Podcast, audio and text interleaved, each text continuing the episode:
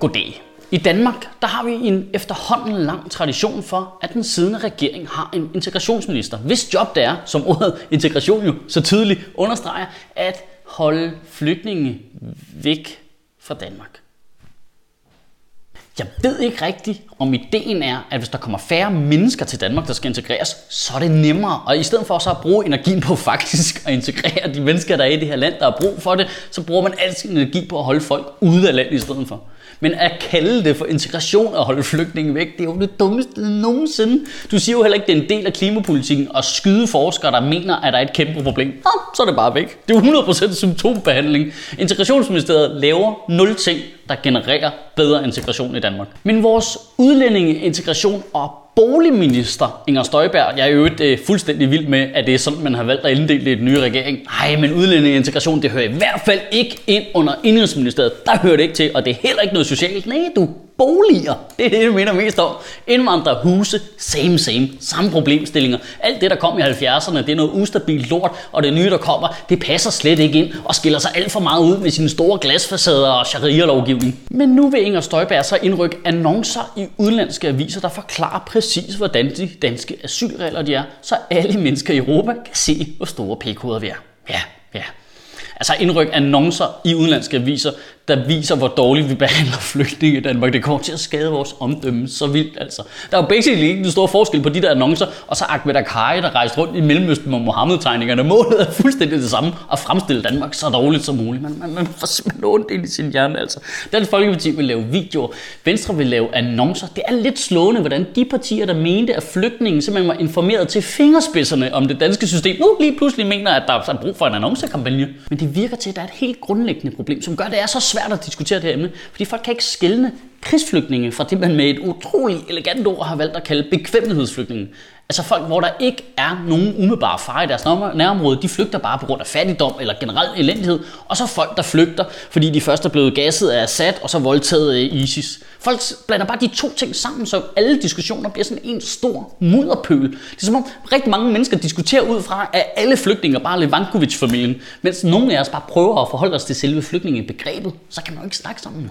Og jeg vil gerne lige slå fast, at jeg synes virkelig, at det er vores pligt at anerkende folks angst. Hvis der er en stor del af den danske befolkning, der er bange for noget, der føler, det hele er ved at ramme sammen med ørerne på os, så synes jeg faktisk, at vi er forpligtet til som samfund at tage det alvorligt. Men vi er bare også ligesom nødt til at have proportionerne med. Og fordi politikerne de nægter at stå på mål for noget som helst, de har ingen nedre grænse, de vil bare fucking gerne vælges ind, så de reagerer bare med det samme. Nå okay, så folk i Sønderland, de har en lidt dårlig dag, så dropper vi Genève-konventionen. Det er sgu også lige meget.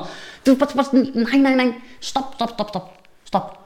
Det er ikke det, folk i det gule Danmark siger. De siger bare, at de er angste for noget, og så kunne det være en god idé at lytte til det og hjælpe med det. Og jeg lover jer for, at det har ikke noget med 8.000 flygtninge fra Syrien at gøre. Det har det bare ikke.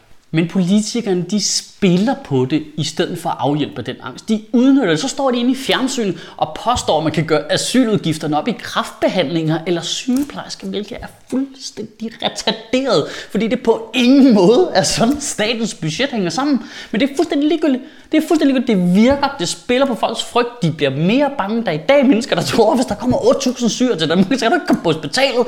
Flot, Lars. Men det er virkelig flot. Godt gået. Godt arbejde. Godt reddet Danmark. Din fucking idiot, altså. Jeg bliver så motherfucking træt af de mennesker. Jeg kan bare lyst til.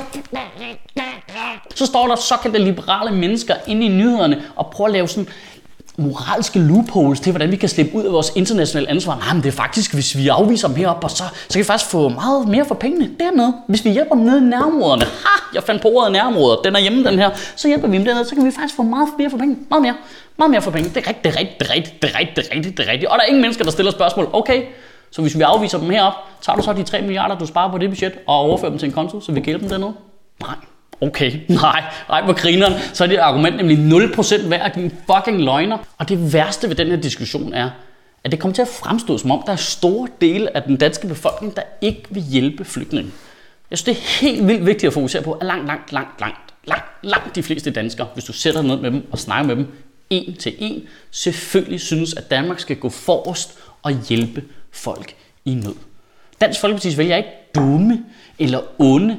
De laver måske bare den fejl nogle gange at tro på, hvad politikerne de siger. Og det, det må du aldrig gøre. Det, det er en klassisk fodfejl, det der. Du må simpelthen ikke tro på, hvad de siger. Lige meget, hvad en politiker ser ind i fjernsynet, det første, du skal gøre, det er at gå hjem og google, hvad det rigtige er.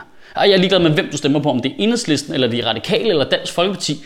Det er aldrig rigtigt, det de siger. De siger det, fordi de vil opnå noget andet, som de ikke har sagt være. Og det er kernen i problemet med Inger Støjbergs annonce, for den er jo slet ikke henvendt til flygtninge.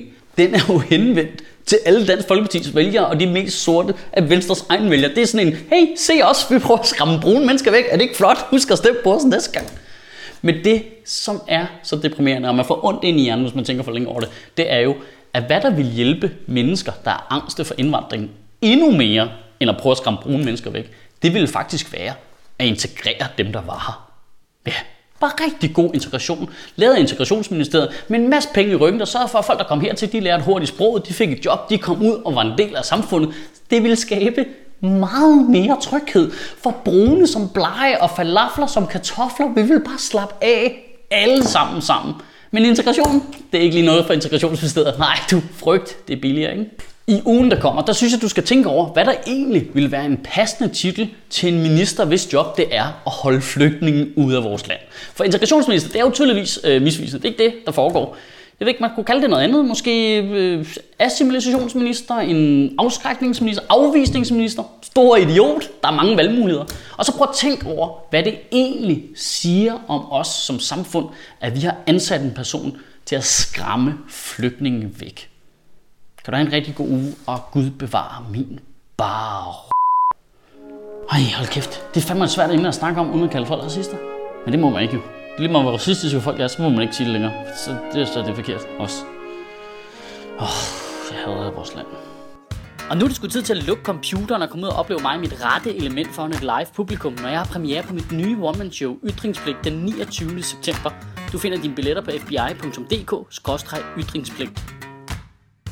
Og så skal du huske, at vi er sponsoreret af Comedy Zoo. Det vil sige, hvis du har lyst til at hjælpe os, så køber du en gang med en billet til Comedy Zoo, fordi så bliver de ved med at hjælpe os, og så bliver vi ved med at lave de her videoer. Jamen, det er simpelthen, altså, det, det er pis fedt. I næste uge, der er der simpelthen en rigtig god grund til at tage ned på Comedy Zoo, for der kan du se Brian Mørk, Elias Elers og Jonas Brundum, og du finder som altid dine billetter på fbi.dk.